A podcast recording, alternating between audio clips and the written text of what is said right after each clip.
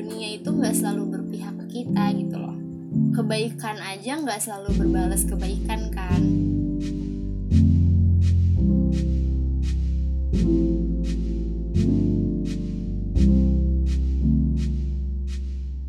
Kan gue gue kemarin baru nonton drama. Gue lupa nonton drama apa ya gue lupa nonton drama apa pokoknya. Dan gue tuh gue tuh selalu metik kata-kata dari suatu drama gitu loh. Terus di situ ada ada kata-kata hmm, ada waktunya orang baik itu merasakan kesengsaraan. Setelah gue pikir loh iya juga ya bener. Malah justru kebanyakan kalau gue lihat-lihat ya orang baik tuh banyak tahu dapat dapat balasan yang gak sesuai mereka harapin gitu kan. Pasti kan kebanyakan orang uh, gue udah berbuat baik nih. Mengharapkannya juga kebaikan dari orang lain kan. Cuman ternyata mereka ngedapetin hal yang gak setimpal sama yang mereka lakuin gitu loh. Malah kadang direndahin ya. Terus gue kayak menganalogikan kebaikan itu ke kerja keras kita gitu loh ke usaha kita. Iya. kan yang baik aja nggak selalu berbalas baik kan. Nah usaha sebesar apa pun kita juga nggak selalu berbalas apa yang kita mau sesuai dengan ekspektasi kita. Kadang tuh ada waktunya sesuatu itu berbalas di lain waktu gitu nggak harus saat itu juga gitu loh. Emang kadang harus tertunda sih. Gue juga kadang ngerasa kayak misal gue ngelakuin sesuatu tuh kalau gue nggak membiarkan diri gue buat jatuh bangkit laginya tuh nggak akan semaksimal itu gitu. Lo ngerasa gak sih kayak lo tuh kadang harus jatuh dulu baru lo bisa naik setinggi tingginya gitu. Tuh makanya yeah. gue akhirnya sekarang membiarkan diri gue jatuh aja ya udah nggak apa-apa gitu nggak masalah. Terus gue juga ngutip rule jadi gue kan nonton series nih.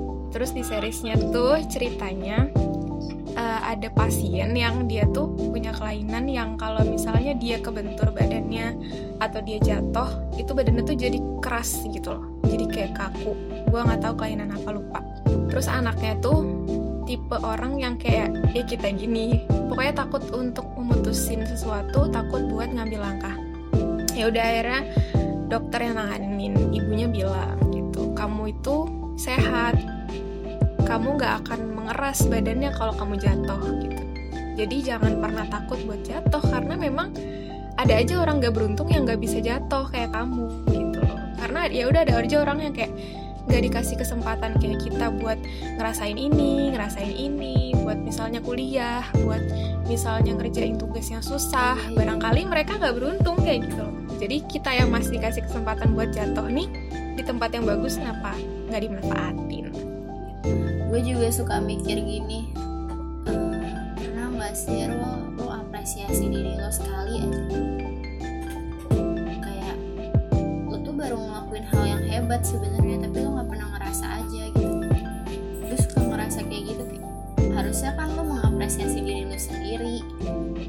tuh sebenarnya udah hebat gitu loh. Kenapa mm. lo masih takut buat mulai yeah. sesuatu? Kenapa lo masih banyak mikir? Dan akhirnya lama-lama gak mulai-mulai kan tiap orang punya titik hebatnya masing-masing kan misalnya gue ngebandingin si A sama si B nih mereka punya punya sesuatu privilege yang sama di bidang yang sama gitu kalau misalnya dilihat secara dari pandangan kita gitu oh tapi ternyata si B le lebih maju ya. Gitu. Yeah. tapi setelah gue lihat oh ternyata kuncinya pede sih emang.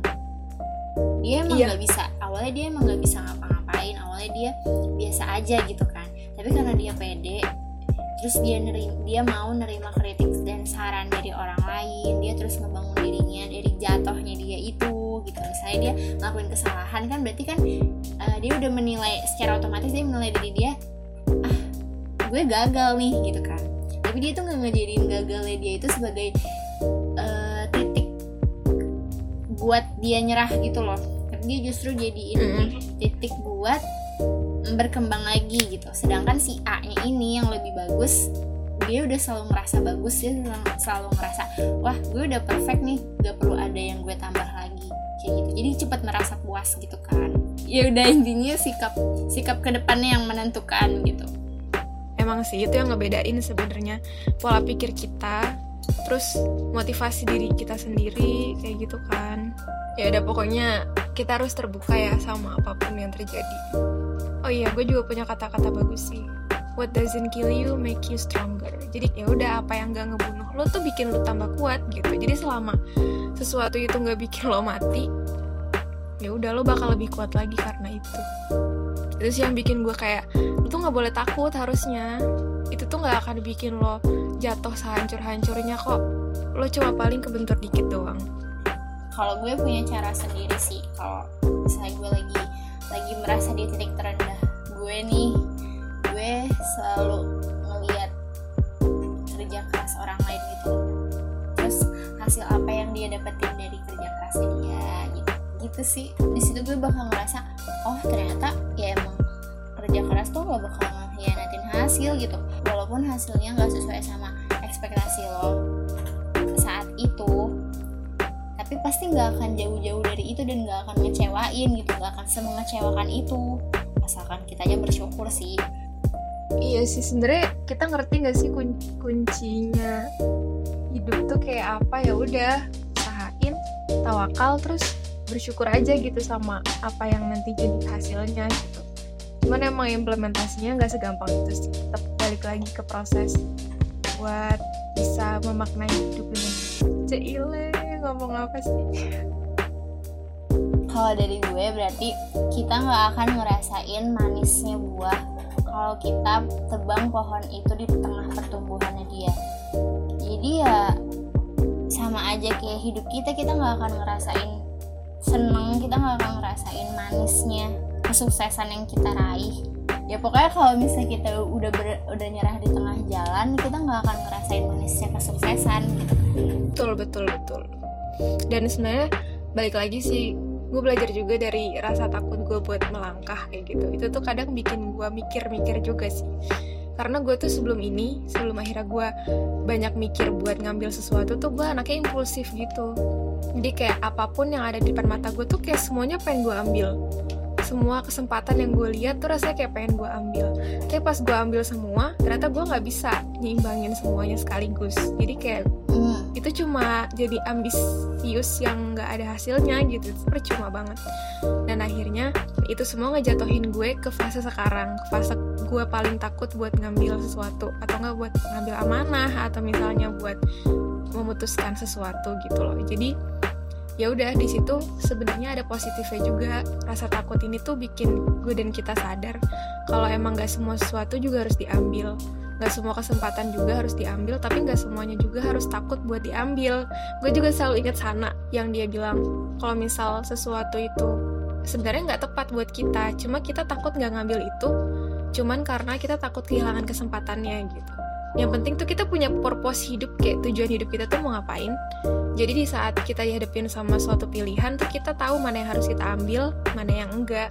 Dan sana juga bilang dia tuh di komen orang gitu sih gue liatnya kayak lo serius nggak mau ngambil project ini? Padahal itu kan project gede project yang bisa ngembangin diri lo lebih gede lagi kayak gitu. Tapi dia ngerasa kalau project itu tuh cuma bikin dia terbebani.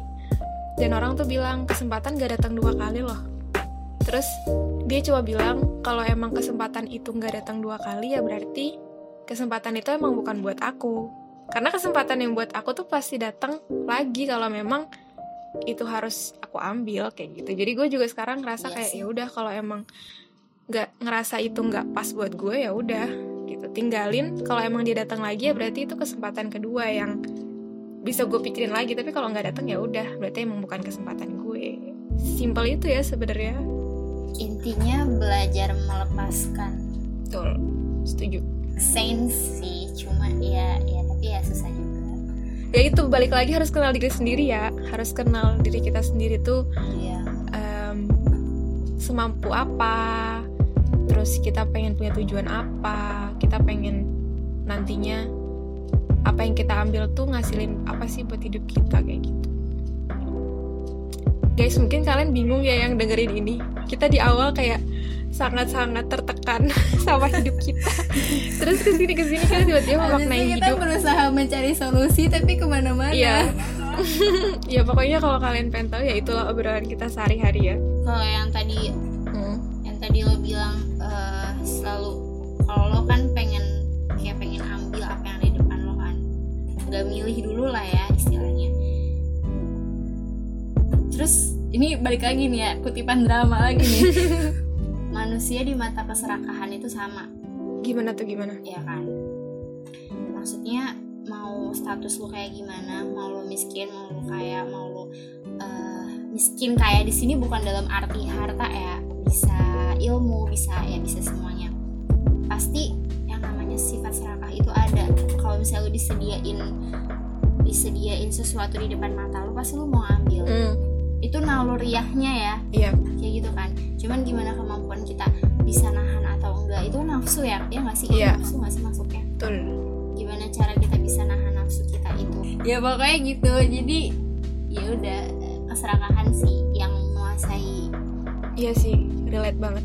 Emang relate sih sama gue juga. Walaupun emang keserakahan itu akhirnya muncul dari banyak faktor ya kayak misal takut kehilangan kesempatan atau takut ketinggalan dari orang lain. Itu sih sebenarnya faktor-faktor yang bikin kayak gue impulsif waktu itu. Tapi ya balik lagi sih kayak gue nggak butuh sebenarnya gue harus sama kayak orang. Gue nggak butuh sebenarnya gue harus setara sama setiap orang dari mereka ngambil ini, mereka ngambil ini, mereka punya kompetensi ini, mereka punya kompetensi itu. Ya udah, hidup mereka hidup mereka, hidup gue hidup gue gitu. Jadi sekarang masih proses sih sebenarnya, tapi cukup bisa lah menerima diri gue apa adanya. Ya, gue harus kayak gini, gak harus ngeliat orang. semua punya jatahnya masing-masing Betul. Itu Yeah. malam random kita gila closing statementnya panjang banget btw Maaf ya kalian dengerin ini panjang banget. Kalau bosan ya udah skip aja. ini kayaknya ini kayaknya bisa jadi dua durasi deh Dua dua part gak sih? Iya dua part gak sih? Iya bisa bisa bisa bisa. Bisa ntar deh kita bagi. Semoga kalian enjoy ngedengerinnya. Semangat semuanya pokoknya jangan sampai kalian takut jatuh. Apalagi gue selalu diingetin kayak mumpung kamu masih mahasiswa kamu tuh gak akan pernah sesalah itu di mata orang. Kayak ya udah mahasiswa tuh adalah pelajar jadi kayak manfaatin aja momen ini gitu. Kalian udah lebih dewasa dari yang kalian bayangkan gitu. Semangat jangan takut memulai Betul. Ya Allah, sosan banget di awal stres-stres, sekarang ingetin orang. Ya pokoknya ini malam Ntar muhasabah malam gue overthinking lagi kebiasaan emang gue juga. Ya ini emang kita lah seperti ini kayak tiba-tiba semangat, tiba-tiba down lagi. Cuman ya tapi gue selalu kayak gini sih Rul. Ah, kan nambah durasi. Ya gue juga gue gue ngerasa diri gue itu harus harus terkadang ya divalidasi kayak gue udah berbuat ini tuh tapi gue nggak sadar kalau gue tuh udah berbuat sebesar itu. Jadi kadang gue butuh orang Iya lain buat yang tadi, yang tadi gue bilang. Iya butuh orang lain buat ngingetin gue kalau lo tuh udah cukup kayak gitu. Butuh pengakuan dari orang lain gitu kan. Gue ngerasa pentingnya apresiasi tuh karena itu sih. Iya. Gue kan anaknya lumayan agak gila apresiasi ya.